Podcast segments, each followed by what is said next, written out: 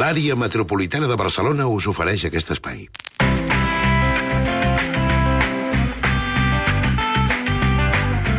Tot seguit a la tribu de Catalunya Ràdio ens fem els bons propòsits per al cap de setmana i ho fem amb en Josep Lambies, el Jordi Nopca i la Montse Barcón. Bravo! Bravo! Tots tres. Bravo! Ai, quina alegria. Com esteu, nois? La primera, Molt bé. Sí? la primera vegada que t'aplaudeixo. No, no és veritat. Jo he aplaudit, però he aplaudit amb ells. Avui, Que simpàtics, tan mono. avui el Lambies i la Barcón són aquí a l'estudi de Catalunya Tant Ràdio, com que és. però en Jordi Nopca no, perquè el primer propòsit Què és? El primer propòsit és eh, descobrir què s'amaga dins de l'estómac dels escriptors i ho fas des del CCCB de Barcelona amb el suport tècnic del Xavi Cussó perquè allà s'hi fa des d'avui el Cosmòpolis. Cosmòpolis! Ja ho sé que és això, jo. Jordi, Uh, aquesta setmana he estat Vale. abduït, uh, com noteu, pel Sí. festival Cosmòpolis, que se celebra cada, cada dos anys al CCCB, a Barcelona, n'hi diuen la Festa de la Literatura Amplificada, perquè, a més d'escriptors, que seria la matèria primera de la literatura, Sí. hi trobem editors, hi trobem llibreters, experts en noves tendències editorials, sí, eh? tuitaires intrèpids, periodistes, traductors i fins i tot algun dron que supervisa que tot funcioni com cal. Un dron. Sí, eh, els drons es, es, estan a l'ordre del dia, no? N'hi ha per tot arreu, doncs al Cosmòpolis també n'hi ha algun. De tant en tant vigila que la gent no fumi, per exemple, coses així. Sí. I tu ara, Jordi, parles tan, tan baixet perquè estàs en una sala on s'està fent una conferència? Um, prohibit. soc fora de la conferència, diguéssim, he sortit un moment perquè, esclar, estava prenent notes i m'han dit "Eh, estàs a punt d'entrar a la tribu i llavors he, he, he Has hagut fugit. de córrer, eh? Sí, una mica, sí. Sí, per això estic una mica així entretallat. Quin és, també. quin és el plat fort, això del cos de la tribulitis? El plat fort encara no us el diré ara. Um, Val, doncs guaita. de moment, Sembla que no tindràs de temps. moment, de moment uh, volia explicar-vos que el Cosmòpolis m'ha abduït Sí. eh, des de dimecres a la tarda, que és Sí. quan Juan Mercè va in- inaugurar el festival, Sí. i és perquè ahir, dijous, vam estrenar amb Marc Caelles la performance L'estómac dels escriptors. Molt maco, això. A mi em tocava fer de mestre de cerimònies d'una eucaristia literària en què els dos protagonistes, que eren Unai Velasco i Maria Folguera, van acabar repartint morro fregit de porc Oh. i rovells de Santa Teresa als més de 50 assistents. I tu dius que feies com de mossèn? Sí, jo Nopca? feia de mossèn, exacte. Estàs Avui, fatal, eh, també. S'ha de ser bonic de veure, això, eh? eh, va ser bonic de veure, sí, va ser, perquè avui repetim actuació, però serà diferent. Avui no em toca fer de mossèn. Avui estic davant de dos narradors, que són la Bel Olit i en Borja Bagunyà. La Bel Olit amb cabells blaus o normal? No, s'ha tret el, la blavor dels Cas cabells. un dena. Sí, ara ja no du Un blavor. dena amb el bé que li quedaven. Uh, us dono una pista de, de què anirà l'acte. Això és una pista. És una pista. Heu vist que aquesta tarda les boques seran protagonistes i això és perquè en Borja explicarà per quin motiu a la seva literatura hi ha tanta festa, tants excessos i tanta ingestió de menjar i alcohol. I la Bel aclarirà per què hi ha tant de sexe al seu últim llibre, La mala reputació. Vindrà acompanyada d'un d'un objecte que fa servir en la intimitat i no és un diccionari. Una pista més de l'objecte que fa servir a la intimitat? Um, és punxegut. Un objecte punxegut que no Sí. surt al diccionari. No, perquè és, és el bolígraf, el bolígraf que escriu.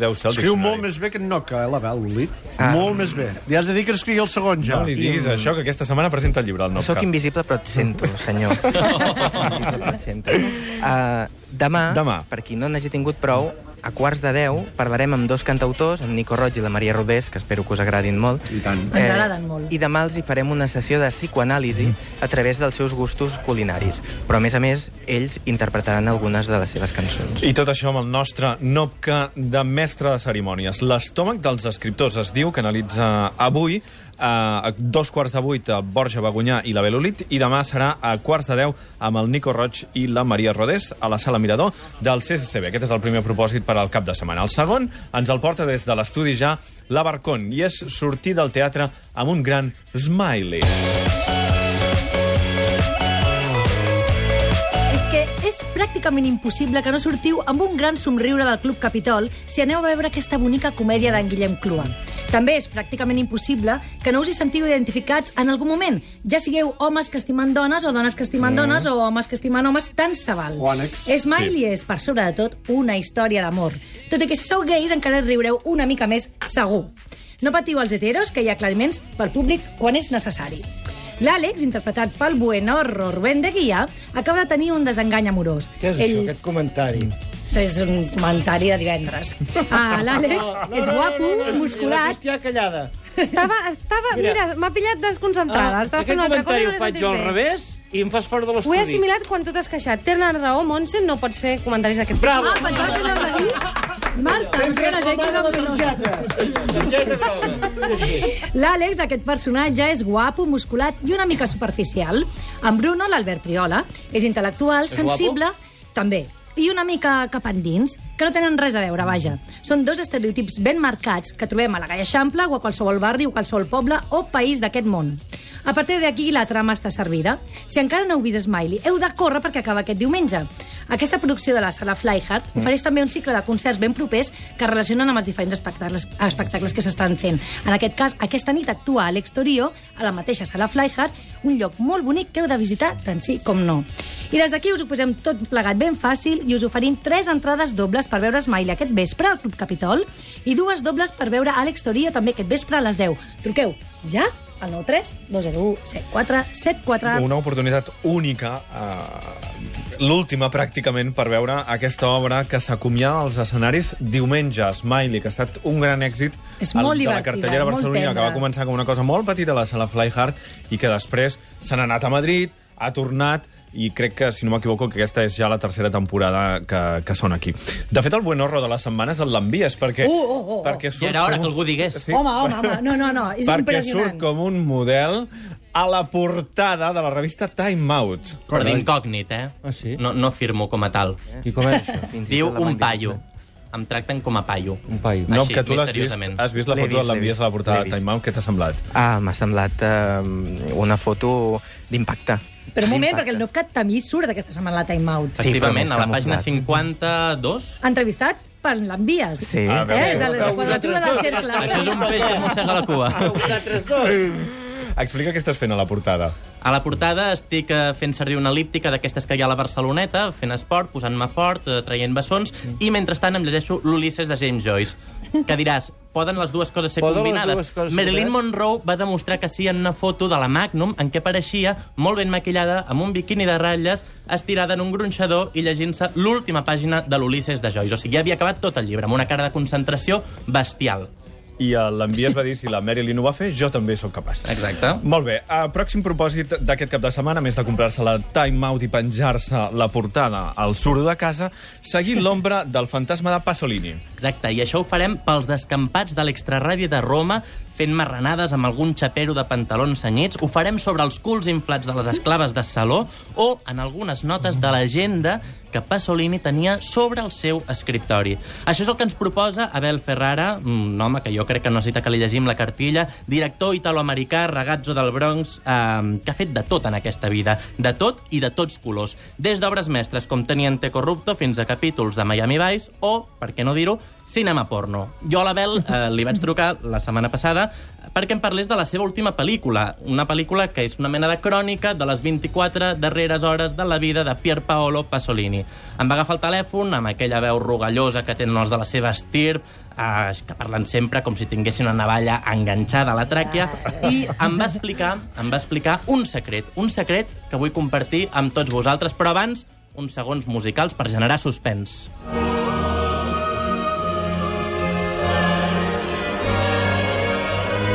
Johann Sebastian Bach. I amb això ja puc entrar a parlar del rovell de la qüestió. El secret d'Abel Ferrara és que mai en la seva vida havia fet res tan terrible com rodar l'assassinat de Pasolini. Diu que ha estat el moment més dur de la seva carrera i mira que ha fet coses extremes. El que veurem aquí és una pallissa a 12 mans, amb sabatades, cops de puny i finalment un cotxe que passa per damunt de l'actor, que és en Willem Dafoe. La mort de Pasolini ha estat, curiosament, un tema molt polèmic, encara no resolt, s'ha especulat moltíssim. Qui va ser? Uns canalles que li volien robar la cartera, un d'aquests xaperos que freqüentava, o bé uns sicaris que el volien esclafar per escarrenós. A tot això jo li vaig plantejar el dilema a Ferrara, com és que has pogut rodar una escena de la que encara no se sap qui van ser els agents, i em va dir el cas és que el van matar i va ser terrible. Un crim atroç. I va continuar. Què collons m'importa qui ho va fer? El cas és que Pasolini ja no hi és, el cas és que Pasolini és mort. I amb aquesta declaració d'Abel Ferrara us recomano, no puc fer altra cosa, moltíssim aquesta pel·lícula, d'aquelles que et deixen sense alè, amb Willem Dafoe cabró del paper, i a més a més col·laboració especial de Ninetto Davoli, que va ser l'amant de Pasolini, a part d'un dels seus actors més recurrents, l'arquer famós de les Mil i una nits, que aquí interpreta un petit paper que, de fet, eh, està extret d'un dels guions de Pasolini inacabats, un dels guions que va deixar dins del calaix del seu escriptori i que va d'un personatge que busca el camí cap al cel. No pot ser més oportú. Es diu Pasolini i és d'Abel Ferrara i, segons l'envies, és l'estrena més destacada d'aquest cap de setmana. Nopca, pròxim propòsit, conèixer els noms fonamentals d'aquest Cosmòpolis. Tu ens diràs quins són. Us en diré molt pocs, eh? També aquest vespre, a quarts de nou, David Grossman i Carles Torner conversaran al hall del CCCB, és un dels actes, sens dubte, més esperats de Cosmòpolis, on Torner eh, repassarà la trajectòria de Grossman, un dels autors israelians més destacats de l'actualitat, de qui se n'acaba de publicar Gran Cabaret a edició 62. Tots dos s'acostaran a un dels temes principals de l'obra de Grossman, no? que és de quina manera la memòria personal i la història col·lectiva es, es retroalimenten, i especialment, diguéssim, com es pot representar literàriament el nazisme encara ara. En aquest sentit, la trajectòria de Grossman ha avançat per un camí paral·lel a la de Sebald, un dels autors principals d'aquesta edició de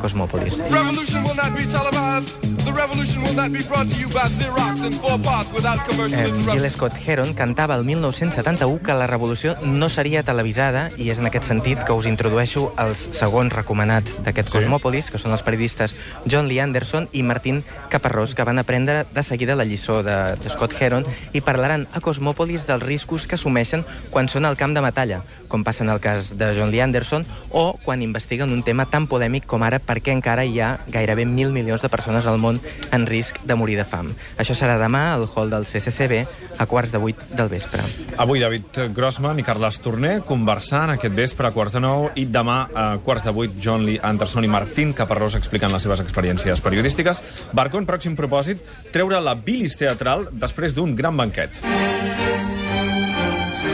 Això és que ofereix aquest monòleg que podeu veure a la plataforma I+D Mi relació con la comida, un banquet de crítica social perquè tingui fam de teatre del que ens fa de mirall i que ens insulta necessàriament per remoure aquestes consciències acomodades que esmorzen, dinen, sopen i fins i tot brenen cada dia mentre hi ha gent que no té res per menjar. Un empresari s'interessa per l'obra d'una creadora que viu en la misèria absoluta i la cita ni més ni menys que en un luxós restaurant. Així comença la metralleta de reflexions que no hauríem d'oblidar mai, aquella incomoditat que fa afrontar la part més hipòcrita i miserable de nosaltres mateixos. Angèlica Lidl, directa i transgressora, signa aquest premiat text, dirigit per Pau Denut, interpretat sublimament per, la, per una valenta Sònia Espinosa, que porta tot el pes d'espectacle que ens deixa clavats a la cadira des del principi fins al final. Teatre de denúncia, necessari i imprescindible, que no us deixarà indiferents de cap de les maneres. Una llarga digestió que us saciarà els pensaments. Tenim una entrada doble per qui vulgui empatxar-se de rebel·lió aquest diumenge, ja ho sabeu, 201 7474. Molt bé, gràcies, Barcon. Mi relació con la comida és aquesta última recomanació fins al 29 de març. Gràcies, Barcon, gràcies, l'envies, gràcies, Nopca, fins la setmana que ve. Bon cap de setmana a tothom! Jo he viatjat en el temps. He vist com eren, com són i com seran les ciutats on vivim. La metròpolis Barcelona. Visita l'exposició Metròpolis Barcelona, del 29 de gener al 25 d'abril a l'edifici Disseny Hub Barcelona, a la plaça de les Glòries. I tu, com te la imagines? AMB, Àrea Metropolitana de Barcelona.